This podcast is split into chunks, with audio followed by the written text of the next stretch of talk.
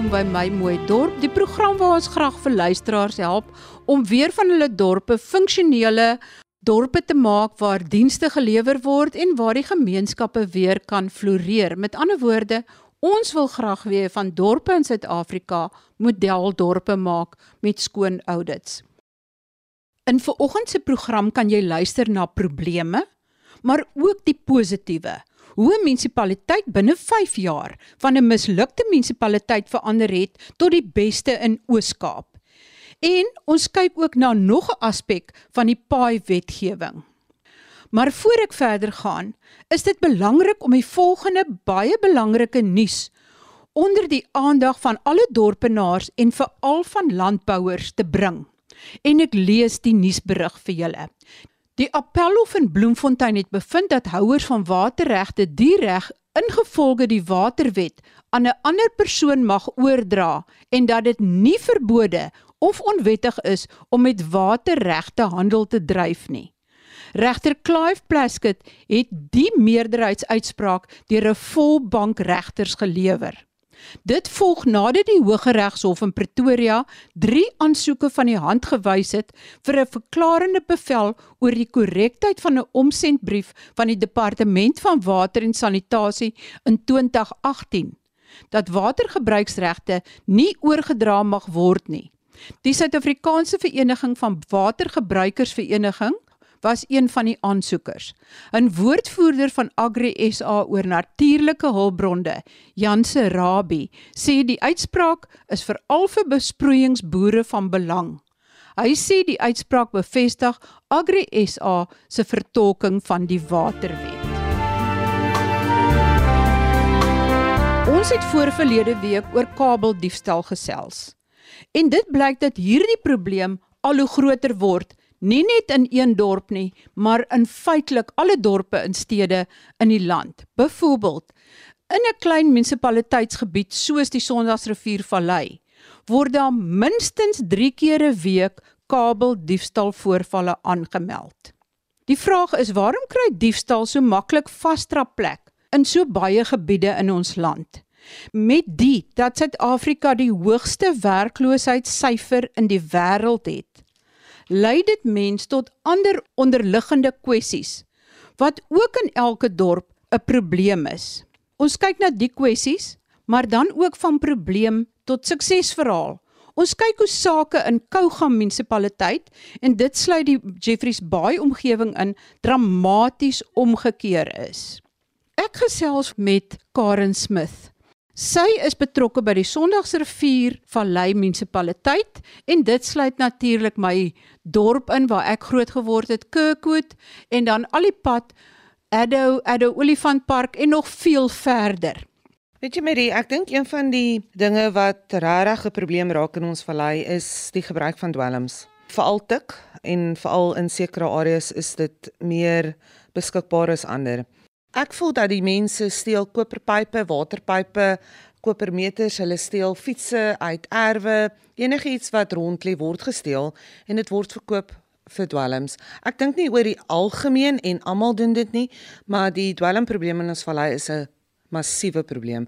Dit moet dringend aandag kry. Daar is 'n paar gemeenskapgroepe wat al klaar met dit deel. Die polisie is ook besig met dit, maar weer eens wat ek terugvoering kry van die polisie is baie moeilik vir hulle om na mense se huise toe gaan en die huis te skud want hulle het permitte nodig of hulle het 'n lasbriewe nodig om in die huise in te gaan. En ek het ook 'n vermoede dat daar's van die polisielede in Kirkwood wat inligting uitlek aan die mense wat so dwelms verkoop want elke keer as daar 'n lasbrief is dan weet die mense daarvan dan kom die polisie en daar's absoluut niks te vind in die huis nie. En ons almal weet in ons gemeenskap wie is die dwelmsmokkelaars. En ek dink ons gemeenskap en veral ons as ma's moet begin te opstaan teen dit. As ons dit nie gaan doen nie, wie gaan dit doen? Ek weet ook baie onderwysers en onderwyseresse by skole en in uh, Aquapark Bergsig en daai gebiede is maar bitter bekommerd daaroor want saam met dit gaan dan ook nog boonop die tiener swangerskappe en die grants wat uitgedeel word vir die tieners. Maar wie is die dwelm smokkelaars? Is dit die plaaslike mense of is van die mense van ander dele in Afrika wat hulle hier gevestig het ook betrokke by dwelmhandel? Ek dink dit is baie moeilik om te sê, maar ek dink dit is beide. Daar's van ons plaaslike mense wat dwelms verkoop en ek dink ook daar is mense wat nie van Suid-Afrika is nie wat hier woon wettiglik, maar dan ongelukkig raak hulle betrokke by onwettige aktiwiteite. Wel as mens in die hoofstraat ry en jy kyk na al die stalletjies in die hoofstraat wat almal eintlik omtrent dieselfde tipe goed verkoop of jy kyk na sekere kafees en hoe donker dit daar binne is, dan kan jy net raai wat daar binne aangaan.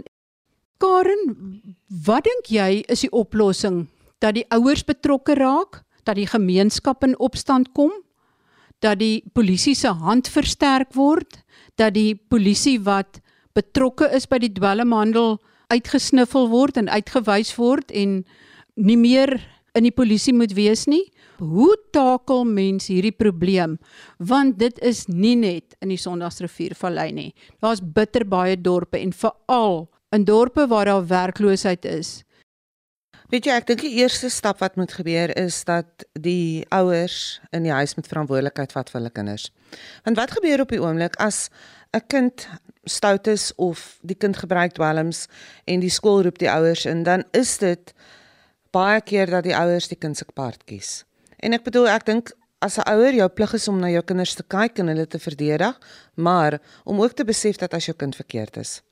So is dit moet begin in die ouerhuis. Dan die skole het 'n groot verantwoordelikheid.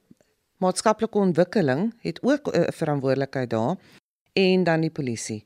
Soos almal moet bymekaar kom en en kyk wat se oplossings is daar en wat kan almal doen van hulle oogpunt om te help om die probleem op te los. Want dit is 'n groot probleem en jy weet wanneer 'n tiener begin te dwelms gebruik, gaan erger raak of hoe hulle ouer raak. En dan het jy daai siklus van my ouma gebruik dwelms, my ma gebruik dwelms en dan ek gebruik ook dwelms op die einde van die dag.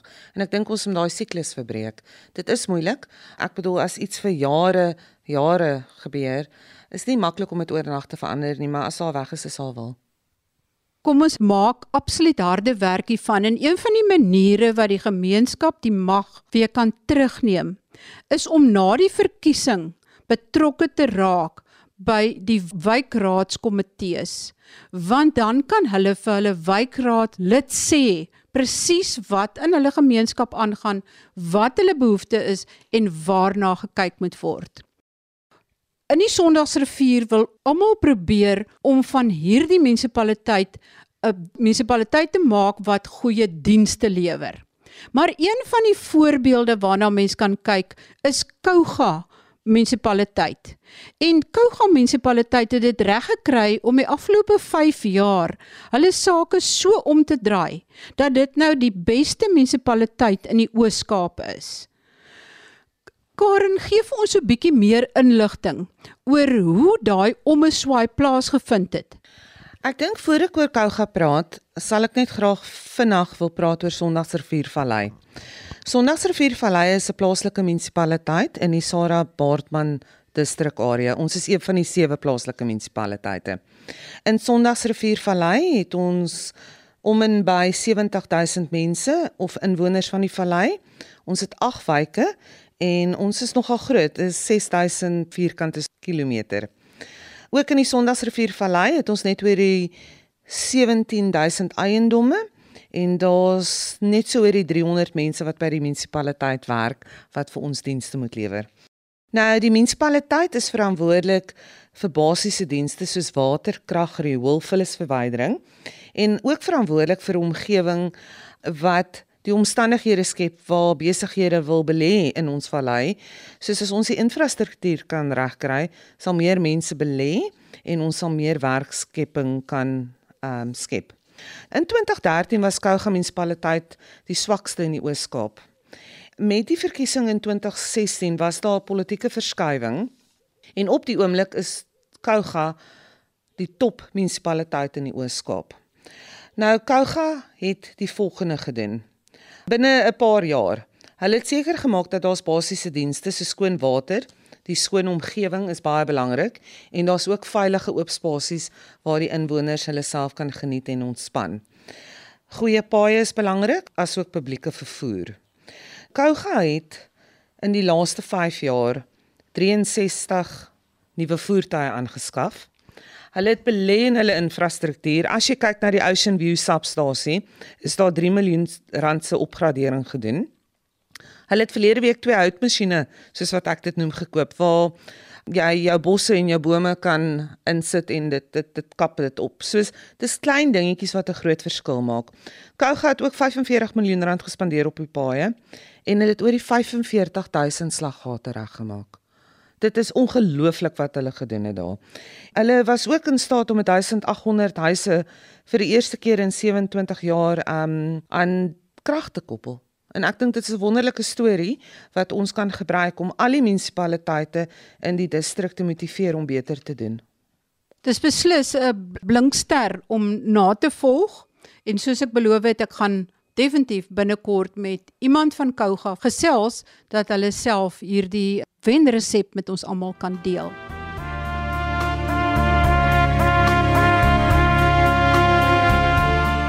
In 'n teenspoliase saak het die Hooggeregshof in Kaapstad uitspraak voorbehou in 'n saak wat moet bepaal wat die regte van grondeienaars is wanneer hulle stappe teen grondbesetters doen. Die saak is deur die Menseregte Kommissie en die EFF in die stad Kaapstad gebring en is reeds verskeie kere uitgestel. Die Wes-Kaapse minister van menslike nedersettings, Tersius Simmers, sê dit is belangrik vir die provinsie dat grondeienaars hulle grond van besetters moet kan terugneem aangesien dit die provinsie ook in staat stel om beter dienste te lewer. Dit is natuurlik na aanleiding van besetters wat presies in gebiede waar daar nuwe ontwikkelings is, hulle penne inslaan en dan daarop aanspraak maak om voor in die ry te kom wanneer dit by huise se uitdeling kom.